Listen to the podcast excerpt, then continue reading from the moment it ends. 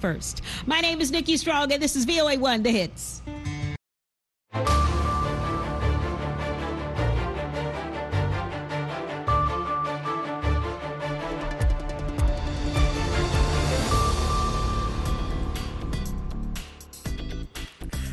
halkani waa washington laanta af soomaaliga ee v o a oo ad ka dhagaysanaysaan mawjadaha gaagaaban efemyada geeska afrika iyo caalamka o dhan oo ad nagala socotaan boggeena internetka ee v o a somaly com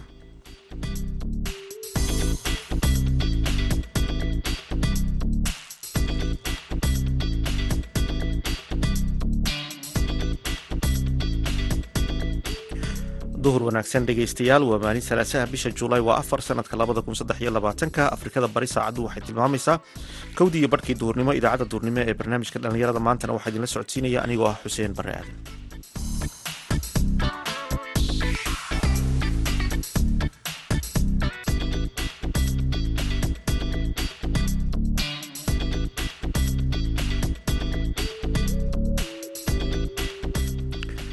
qodobada aad ku maqli doontaan idaacadda duhurnimo ee dhallinyarada maantana waxaa ka mid ah magaalada boosaaso oo lagu qabtay kulan lagu falanqeeyey waxyaabihii laga bartay doorashooyinkii deegaanka ee lagu qabtay qaybo ka mid ah puntland.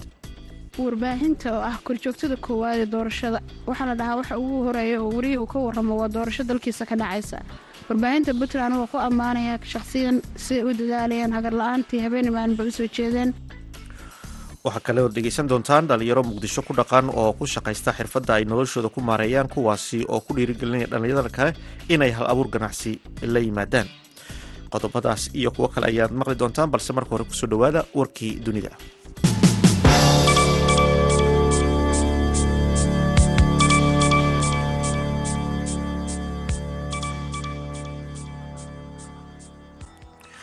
saddex qof oo isku qoys ah ayaa ku dhintay saddex kalena waa ku dhaawacmeen kadib markii hoobiye uu ku soo dhacay guri ku yaalla degmada waaberi ee magaalada muqdisho maanta oo salaasaha dadka ku dhintay iyo kuwa ku dhaawacmay weerarkan ayaa isku qoys ah sida ay sheegeen booliska soomaaliya. Weerarkan ayay boolisku sheegeen inay ku dhinteen aabbe iyo laba carruur ah oo u dhalay halka ay ku dhaawacmeen hooyadii iyo laba kale oo carruur ah. Booliska ayaa sheegay in hoobiyaha laga soo tuuray duleedka degmada daynile weerarkan ayaa ciidanku sheegeen in ay soo tuureen maleeshiyaadka al-shabaab hal qof ayaa loo qabtay weerarkan oo looga shakisan yahay inuu ku lug lahaa weerarkan kaasi oo haatan baaritaan uu ku socdo. Kumanaan ka mid ah dadka deegaanka ayaa xalay ka qaxay xerada jiniin iyagoo u cararay goobo ay aaminsan yihiin inay ammaan tahay taas oo ay ugu wacan tahay soo gelitaanka ciidamada israa'iil ee xerada oo maalintii labaad galay ururka bisha cas ee falastiin ayaa sheegay in kooxdooda ay ku guuleysteen inay shan boqoloo qoys ay ka daadgurayaan gudaha xerada iyagoo geeyey dhowr xarumood oo ku yaalla magaalada jiniin wakaalada wararka e f b oo soo xiganaysa gudoomiye ku-xigeenka gobolka jiniin kamaal abulrub ayaa sheegay in ilaa saddex kun oo falastiiniyiin ah ay ka barakaceen xeradaasi sababo la xidhiidha howlgalka israa'iil tan iyo fiidnimadii shalay. Ayaa waxaa mararka qaar la maqlayey oo laga maqlayay gudaha xerada janiin ee ciidamada israa'iil ku gudoomiyeen dhammaan waddooyinka laga soo galo gudaha xeradaasi.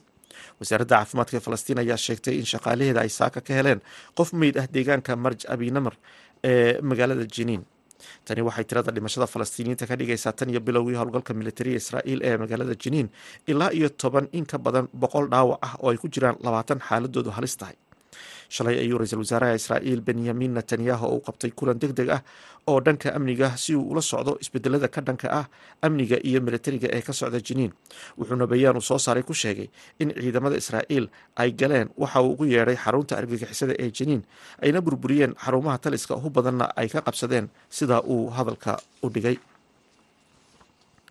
warbaahinta maraykanka ayaa ku warantay in ugu yaraan afar qof ay ku dhinteen halka afar kalena ay ku dhaawacmeen kadib toogasho xalay fiidkii ka dhacday magaalada philadelphia ee xarunta gobolka pennsylvania. Afhayeen u hadlay booliska magaalada philadelphia ayaa wakaalada wararka reuters u sheegay in dhowr qof ay waxyeelo ka soo gaadhay toogashada balse ma uuna bixin faahfaahin dheeraad ah warbaahinta gudaha ayaa ku warantay in qofka dadka laayay uu hadda ku jiro gacanta ciidanka booliska. Dhacdadan ayaa ku soo beegantay maalinun kadib markii uu nin hubaysan sidan oo kale uu rasaas ooda uga qaaday dhalinyaro ku sugnayd goob xaflad ka dhacaysay ay ku caweynayeen kuna taalla magaalada baltimore ee gobolka maryland halkaas ay ku dhinteen laba qof islamarkaana ay ku dhaawacmeen sideed iyo labaatan kale. Intaasina dhegeystayaal waxaa noogu yidil warkii dunida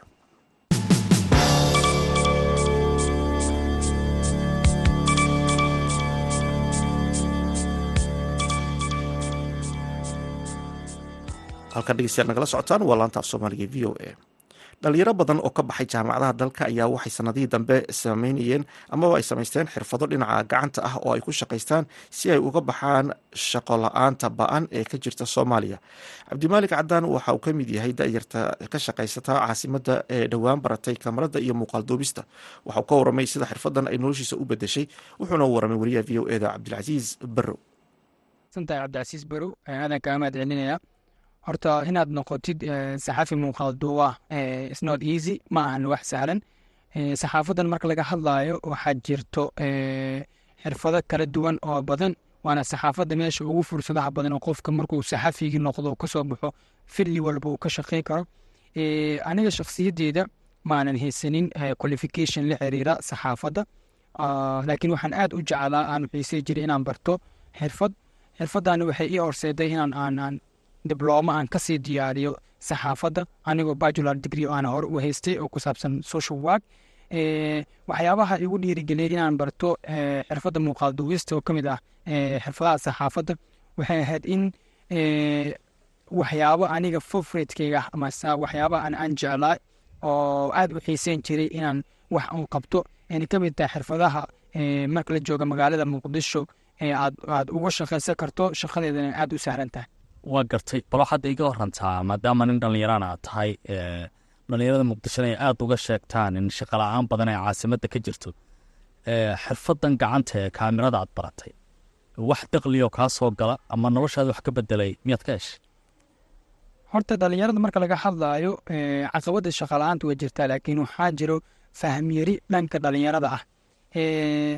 Markuu qofka dhalinyar yahay uu akademig yahay uu ka soo baxay jaamacad dee jaamacaddu kuma damaanad qaadayso inaad shaqo ku siiso ama shaqo aad hesho qofka dhalinyarada ah waxaa laga rabaa inuu fikiro jaamacaddu waxyaabaha kaa saacidayso tahay inaad aqoon ku siiso ha fikirkaagana wax ka bedesho laakiin haddii aad tahay qof wax akriya jaamacadda imaado imtixaankeeda gala guriga ku jiro ciyaalka dhalinyarada xaafadda sportiska iyo haasaawihii wixii ku jiro masaajid ku jiro waxaad ku jirtaa xeendaab ah wareeg wareegaas hadaadan ka bixin oo aadan suuqa shaqada iyo dhaqdhaqaaqiisanan ka warhaynin waxaa adkaanaysa inaad aad aad maxaa la dhahaa fursad shaqo hesho fursadda kuguma imaanayso gurigaaga. Taas marka laga yimaado fursad waxay u baahanta mar walba in la raadiyo. Taas marka laga yimaado shaqadan muuqaal duwista xirfadda saxaafadda ka mid ah marka laga hadlayo waa shaqo benefitkeedu uu aad u fiican yahay.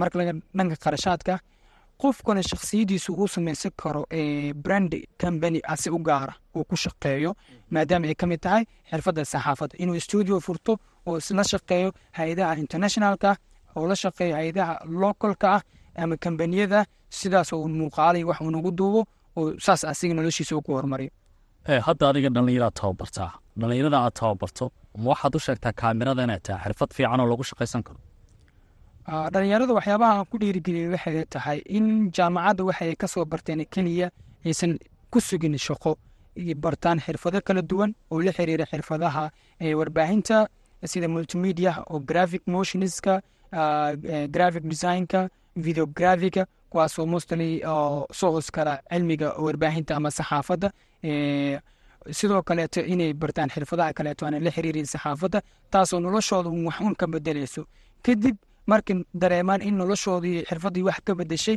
si tartiib tartiiba filligii ayaga ee barteen xeendaabkiisa ku soo galaan taasoo hadhowna beri kamaalin ka saacidayso wuxuu qofku asiga u bartay inuu asana ku sii shaqeynayo waa gartay cabdimaalig cadaan inkastoo aad tahay nin dhallinyaro ah haddana saxaafadii muuqaalka ahayd bartay dhallinyaradiina si madax bannaan oo bilaash u tababara.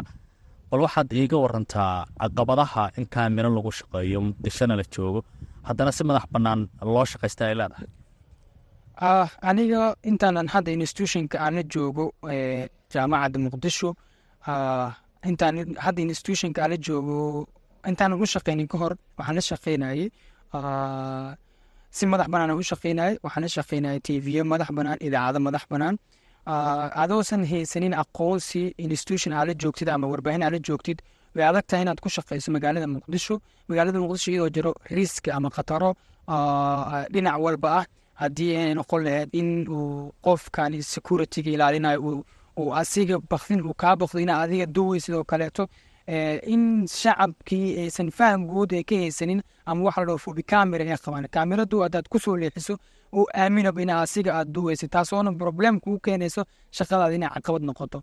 Eh, midda kale nafsada riski gelinaysa waxay tahay securityga eh, ciidamada magaalada lagu soo daadiyo kaleeto ka cabsanayaan in muuqaalka ah, la baahinayo magaalada quruxdeeda inuu asiga ka muuqday taasoo adigna ku keenaysa in nafsada riskiya hadaad la doodo ay gelinayso. Laakiin hadda markaan joogo institutionka ala shaqeynayo institutionka requirementgiisi wixiisa waa asiga gaar u yihiin de mar walba asaga ka warqabayo maxay tahay marka himiladaada ama mustaqbalka waxaad rajaynaysa xirfadan aad baratay? Haddana aad ku shaqaysa aad ka filayso. Ah, waa mahadsan tahay mar kale cabdicasiis Ah, barashadan xirfadda ah, eh, muuqaal duwista ee la xiriirta eh, saxaafadda. Waxay igu dhiirigelisay in aan barto cilmiga saxaafadda aqoon badan aan ka raadiyo taasoo nolosheyda hadda wax badan ka bedeshay oo aan jaamacadda ummadda soomaaliyeed maamulkeeda iyo iyo macalimiinteeda aan ugu mahad iyo saaxiibada igu garab istaagay. Eh, waxaan rajeynayaa inaan aan aan bulshada wax badan aan u siyaadiyo tababaradaas aan qabanayo aqoonteeda aan ugu kordhiyo ee la xiriirta warbaahinta in aan maxaa la dhahaa nolosheedana aan ka hormariyo aqoonteedii iyo cilmigeedana aan sii daraaseeyo intaan hadda aan garanayo waxaan aaminsanahay in ka badan inay iga sii maqan tahay. Intaasna aan, sii daraaseeyo dhallinyarada ugu dambeyntii maxaad oran lahayd shaqala-aanta ka cabanaya ee muqdisho jooga.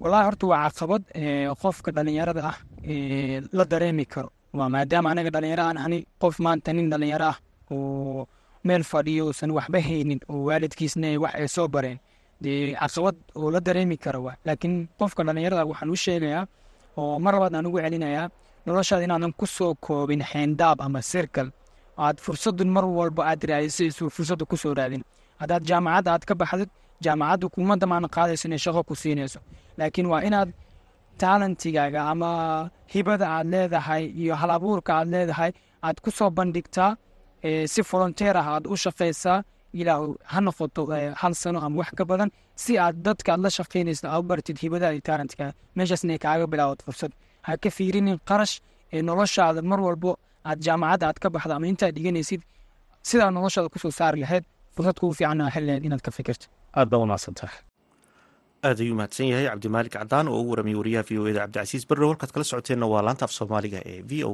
a markana dhegeystayaal aynu ku wada nasanno mid ka mid a heesahaan idinku talagalnay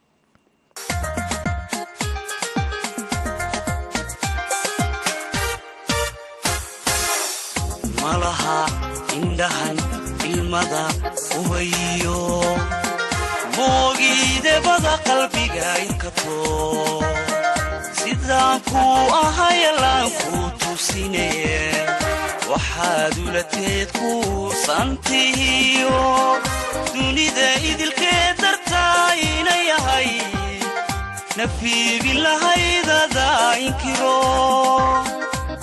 cakuyaysadkaynka mabayl baxdigaye ishqigay aftuubay halkaa ku ilow. Ishqigay aftuubay halkaa ku ilow. Malaha indhahan ilmada ubayo moogiidebada qalbiga irkatee yesa malaha indhahan ilmada ubayo moogiidebada qalbiga irkato sidaan kuu ahayalaan kuu tusine waxaad ulateed kuusantihiyo dunida idilkee dartaa ina yahay nafiibin lahaydada inkiro. Cakuyaysadkaynka mabayl baxdide ishqigay aftuubay halkaa ku ilow. Ishqigay aftuubay halkaa ku ilow. Malaha indhahan ilmada ubayo moogiidebada qalbiga irkatee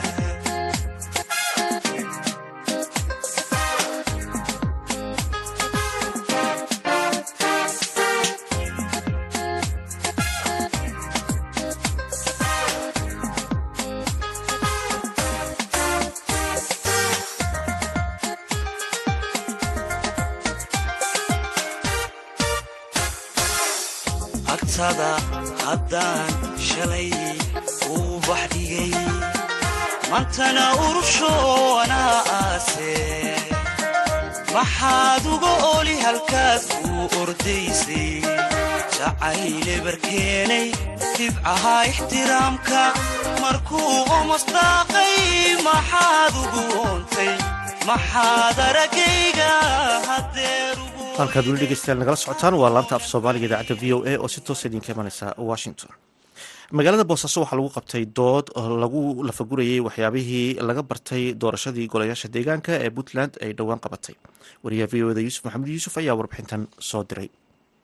Kulankan oo ahaa madal aragti wadaag ah oo dib loogu jalleecayay waxyaabihii waayo aragnimadii laga kororsaday doorashadii golayaasha deegaanka ee ka dhacday qaybo ka mid a deegaanada puntland ayaa lagu qabtay magaalada boosaaso dadkii ka qaybgelayay waxay ahaayeen wakiillo ka kala socday bulshada rayidka ururada warbaahinta ururada haweenka iyo xubno tartamayey ee qaar ka mid a xubnihii ku guulaystay doorashadaasi. Waxaana inta badan dooda iyo aragti wadaaga uu ahaa waxyaabihii laga bartay waxyaabihii qaldamay maadaama wariyayaashu ay ahaayeen lafdhabarka tibintii doorasho qof iyo cod ee golayaasha lagu dooranayey halka docda kale fikrado iyo talooyin ay bixinayeen. Qaar ka mid ah xildhibaanadii dhallinyarada ahaa ee ku soo baxay golaha deegaanka. Ugu horreyn xogayaha ururka warbaahinta puntland ee maab naciimo muuse cilmi ayaa warbaahinta ku boogaadisay doorka ay ka qaateen doorashadaasi. Warbaahinta oo ah korjoogtada koowaad ee doorashada waxaa la dhahaa waxa ugu horreeya oo werihii uu ka waramo waa doorasho dalkiisa ka dhacaysa warbaahinta puntland waa ku ammaanaya shakhsiyan siday u dadaalayaan hagar la'aantii habeeni maalinba u soo jeedeen. Waxaad gudubana ma uusan dhicin halkiis oo na soo gaaray labadii doorasho. Tii hore intii daba midna ma jiro. Sirotorlisba ahaa waxaana la oran karaa tababaradii badnaa iyo dadaalkii lala garab taagnaa dadka oo heelanaa iyaga laftarkooda fahamka iyo qaybihii kale la shaqeynayaan. Haday aanay booliskii iyo guddigii doorashada maamulayay aksiskii jiray inay taas la saamaxdo oona xilaaha looga xamdi noqo doorka kale oo hadda ay jallenjigu ka jiraan oo ay ka mid ahayd hablaha. Runtii doorashadii hore gabdhaha aada bay u saaciday hablo badan oo boqolkiiba labaatan sideed baa la dhahaa waa soo baxay. Waxaana liistadii fureyd baana saacidaysay laakiin nidaamkii hore waa la iska daraansanaa markii nidaamka seejada xooga la saaray oo doorashadii xiran furan laga dhigay. Wax u eeg wax xiran haddana dhinacna ka ah wax furan oo awood dhaqaale ay jirtay oo awoodii qabaa'ilka say sheegayaan meeshii ku jirtay. Xoogaha nidaam nidaamkii hore u yara eegbo arrintaas aad bay gabdhaho maaragtay annagana waa ka niyad jabsannahay haddaan nahay maaragtay bulshada rayidka iyo miidiyada iyo hablahaba. Aad dhaamna ugu yaraayo magaalooyin waxaa jirta aan gabdhabo ka soo bixin. Xildhibaan cabdirasaaq kalinbacayn oo ka mid ah dhallinyarada aqoon-yahanka ee ku soo baxay doorashadaasi ayaa soo jeediyey fariin ku aadan inaysan dib damba u dhicin listi xidhan oo doorashada lagu galo. Meelaha jeclaan lahaa in loo guuro haddii doorasho dambe dhacdo insha allah waa in nidaamkan doorashada tan xiran laga guuro oo xisbigu noqdo platform ama sumad ama dallad uu qofku harsado laakiinse cidda la dooranaya ay noqoto qofka inay doorato. In boosaaso aniga seejo kasta layga dooran karaa. Ee aan layga dooran karin seejooyin kooban si hadhowdi matalaaddeeda way koobnaanaysaa. Berika maalin haddii aan dadka seejooyinka ku noolaa si sardhaba u matelin teeramka xiga waxaa dhici karta inaan seejooyinkaaba iska wareejiyey marka waxaan jeclaan lahay in doorashada mid furan laga dhigo wacyigelin fara badan iyo tababaro fara oo la xiriira qaabka codbixinta in la sameeyo in kuraasta faraha badan ee golaha deegaanka ee degmooyinka aysan qaadi karayn oo soddon iyo saddexda labaatan iyo toddobada oo koo in ilaa xad la dhibo oo waxyaalaha aan jecel lahay aan rajaynayno inaan aragno puntlandna ka aragno in la garab istaago haweenka maadaama dowrkoodii ay bulshada ku leeyahay aad u saameyn u leeyahay axmed maxamuud axmed axmed shaam oo ka mid a wariyaasha magaalada boosaaso ayaa sheegay in wariyaasha dhallinyarada ah ay si dhexdhexaad ah u tabiyeen doorashadaasi iyadoo ay tahay markii ugu horreysay ay ka warramaan. Laakiin waxaa muhiimaddu ay tahay hawshaas si fiican mau dhacday. Saxaafadda doorkooda ma qaateen. Saxaafadda doorkooda waa qaateenoo markii ugu horreysa gobolka bari intaasoo degmo ay ka dhacaan saxaafadduna ay si transbarenta u gudbisay. Annagu marka saxaafad ahaan aan ka qaadana waxay ahayd bal inaanu awood u leenahay inaanu gudbinno doorashadii iyo nidaamkii u dhacday. Waxyaabaha xildhibaanku ka shaqari waxaa ka mid ahaa inay khaladaad dhaceen isdabamarin dhaceen dabcan. Intaana annagu isheeda qabanaysa waxaanu tabinaynay safafkii lagu jiray qaabkii u dhacaysay laakiin qaabkii kala duwanaa ee dadku qaarkood ay ka cabanayeen annagu xog badan kamaan hayno yar ka mida saxaafadda dhalinyaro saaxiibadii wuxuu yidhi waxbaanu xeelinaynay laakiin anu intaan arkay wax maanan waa wada joognay taasna waa ku darsanaya dhallinyarada aan saxaafadda ku jirnaana waa u hambalyeynaya doorkii wanaagsanaa ay qaateen. Waanu wada shaqaynaynay anigu dadkii aadka u tabinaya ka mid ahaa xilligaas. Waxay leeyahayd waxyaabaha ku faanaho meelka qaarkood markiina la yidhaahdo war maxaa khibrad haysataan? Ee doorashadii baanu soo tabinayna marka laga reebo waxyaabihii kaleo siyaasaddii horumarkaa ku jirnay. Yuusuf maxamuud v o e boosaaso halkaad weli nagala socotaana waa laanta af soomaaliga ee v o a. Markana ku soo dhawaada xubintii ciyaaraha iyo maxamuud mascade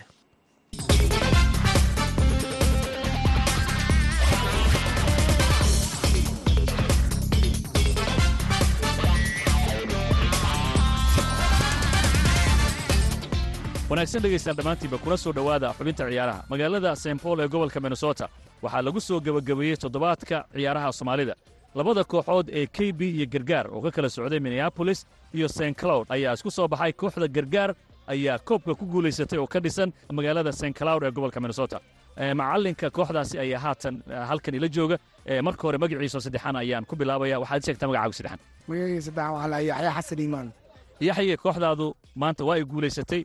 Rigoorayaal baad ku guulaysateen bal dareenkaaga iga warran iyo guusha siday kugu tahay dareenkayga aad u sareeyaa marka waxawaaye sanad labaadka isku xigtaan raynana waaye marka dareenkayga aad u sareeya. Maxaa idiin geliyey in aad sannadkii labaad koob ku guulaysataan? Waxa waaye cayaartoodeyna oo isku xiran oo isla shaqaynayan anigu anigu dhigin banooni qurux badan oo difaaca ku dhisan weerar degan ayay kooxdiinu ciyaarayseen. Bal sida aad uga soo shaqayseen shaxdaasi haddaad ila wadaag? Waxa waaye mar kasta waaye tacticyaasheena waxa waaye is all different marka maalin kasta waxa waaye difaacayna horta waxa waaye difaac oo oo saalid ah oo adag oo nin kastoo booskiisa ka adag oo dheeli karo. Marka waxa waaye saas sameyn. Waa gartay waxaa kula jooga isagoona ninkii ugu dambeeyey oo dhaliyey goolka guusha ay idinku raacday rigoorada magacaagu saddex madaad ii sheegto adiguna. Saciid cali ismaaciil ali dhaca saciid way adag tahay in rigoorada weliba midda guusha ah la dhaliyo. Marka aad tuuraysay maxaad dareemaysa wallaahi kolleyba waxaa waaye pressure wuu jiray. Shacab badan oo ayaga taageersanaa meesha way joogeen. Marka anigana waxaa waaye experience u leeyahay rigoorada. Marka ilaahayna wuxuu ii suurtageliyey inaan macnaha oo gooshaasaa waa garta markii aad soo aaday ee aad kubadda gamaysay ee goolhayuhu ku fiirinayay maskaxdaada maxaa ku jira? Ani goolyaha fiirina I was making eye contact with the goalie. Marka waxaa rabay dhinaca inuu u bato isagana aanu isugaayay marka marka dambe last minute a decision gaaray. Marka isagana he's not gonna get there quick enough. Marka saasaad u dhalisay. saasaa u dhaliyay waxaad ii sheegtaa koobkii baa laidi guddoonsiiyey sannadkii labaad baad qaadeen. In koob laba sano oo isku xigta lagu guulaysto wax sahlan maahan maxaa idinku wacan? Wallaahi koojajka staafka dad badan aa jiro ciyaartooyda ahayn behind the scene oo dadaal badan wadaan kooxda u dadaalaan marka la'aantood uma maleyna inaan meeshaan gaari karnay. Marka alxamdulilah number one ilaaha waaye. Kadibna waxaa waaye dadaalka oo koojka iyo staafka oo kooxda. Sanadka dambe maxaa rajaynaysaan? Insha allah calafkeena cunayna ma ku guulaysan karaysanayni oo rajaynayna insha allah aad baad umahadsantaha dhinaca kale kooxda kubadda cagta ee keybi ah kooxda koobka lagaga guulaystay. Islamarkaasina ciyaar adag iyaduna soo bandhigtay. Ayaa nasiib darro koobka waxa ay ku lumisay rigoorayaal tababarahooda ayaa haatan isaguna ila jooga oo aan jeclahay waxa guuldarrada u keenay inuu iga warramo ee marka hore magacaagu saddexan igu bilaab magacayga waxaa lahaa xasan cabdicilmi waxaan ku waxaa waaye xasay coach xasay waxaad iga warrantaa ciyaar adag baad ciyaarteen gool waa laidinkala hormaray daqiiqadii ugu dambeeyey ayaad barbarayseen badanaa kooxda barbaraha keensata ayaa rigoorayaasha guulaysata maxaa dhacay oo rigoorayaasha lidinkaga badiyey waxaa loogu badiyey ciyaartooydii shalay noo tuureysay maadaama oo aan qaadanay hal player baan down ahayn. Ciyaartooydii noo qaadanays penalty baa naga fadhisay bat ani ahaanteeda ciyaartooydaan coach garaynay baan u dhiibtay. Laakiin nasidara waa waa beldareen laakiin ninka naga cunay waa ninka last gamekana ugu horeyna noo soo badiyey oo penalty noogu soo badiyey haddana asaa laga qabtay dhib ma laho next year insha allah waa soo noqonaynaa ciyaar fiican way soo agdhigeen ciyaaryo wadanka u anfacaya baan watay oo yiriis ah oo bashara ku jiro oo neymara ku jiro. Waa ciyaaryadan aad u fiican wadankana aad qiimo ugu leeyihiin in loo qaado. Sida kalena ciyaarta waa aad aad u fiicnaad waa dareemayseen sagaal qof aan ku dheeraynay bedel fiican waan sameeyey waana daalnayn shalnaa dheelnayd marka maantana waa dheelnay marka ciyaarta wax badan baa iska bedelay ciyaartooy badanna way naga dhaawacneed. Marka sidaas darteeda dhibaato badan noo keentay ee maxaad rajaynaysaan ee sanadka soo socda? Hadda ciyaarta kama dambaysta u soo baxdeen. Ka dambe xidigahaada markaad eegto ma soo bixi doontaan? Rajadiin waa side oh sidoo kale last year meel fiicanaa imaanay. This yearna final aa imaanay. Next year waxaan rajaynayaa ciyaalka inay noo qaadaan maadaama ay ciyaal yar yihiin. Garoonkana first time ay final imaadeen waaye ayaa ku jiro iyo marka this year experience ay leeyihiin sanadka dambe way noo qaadaan insha allah. Sidaan dareemayo. Aad waa waa tahay dhegaystayaal intaasina waxaan ku soo gebagabeynayaa xubinta ciyaaraha. Waan idinkaga soo tabinayey garoonka magaalada st paul oo tartanka toddobaadka ciyaaraha soomaalida lagu soo gebagabeeyey koobkaasi oo ay ku guulaysatay kooxda kubadda cagta ee gargaar oo ka dhisan magaalada st cloud ee gobolka minnesota. Oo sannadkii labaad ku guulaysatay tartanka ciyaaraha toddobaadka soomaalida. Intaynu mar kale dib u kulmi doonno waa mascadoodu ku dhaafaya sidaa iyo nabadgelyo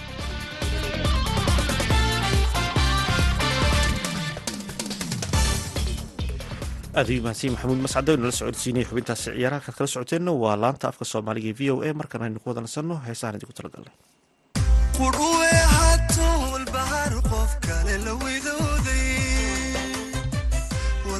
caashaaqo wacad ruux la galay walwalkala kulmo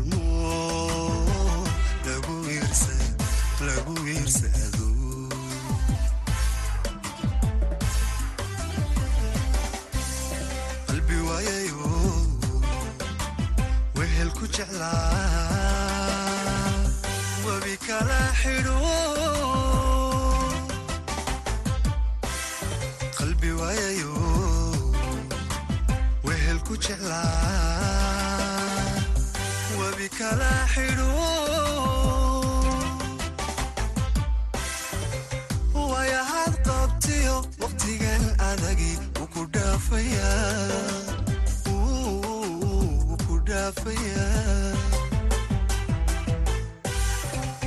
waayahaad qabtiyo waqtigan adagi ku dhaafayaa wuu ku dhaafayaa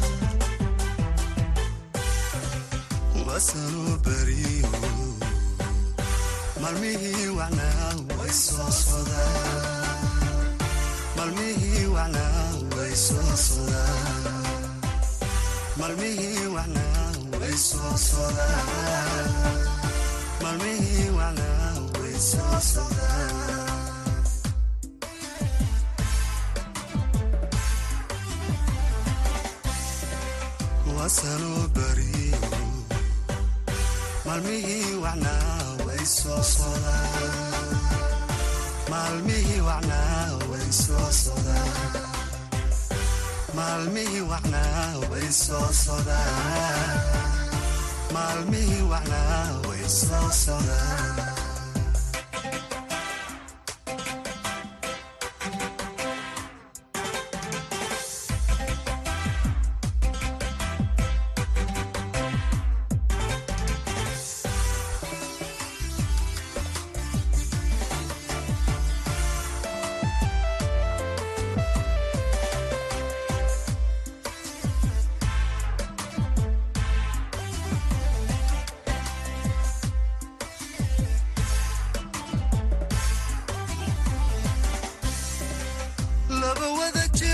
waxaa dila kalgacalka waan toobayo waxintii adduun laba weli ka maran una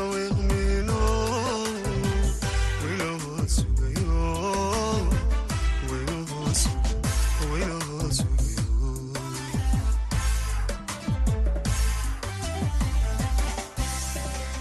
laba wada jirkiyo waxaa dila kalgacalka waan toobayo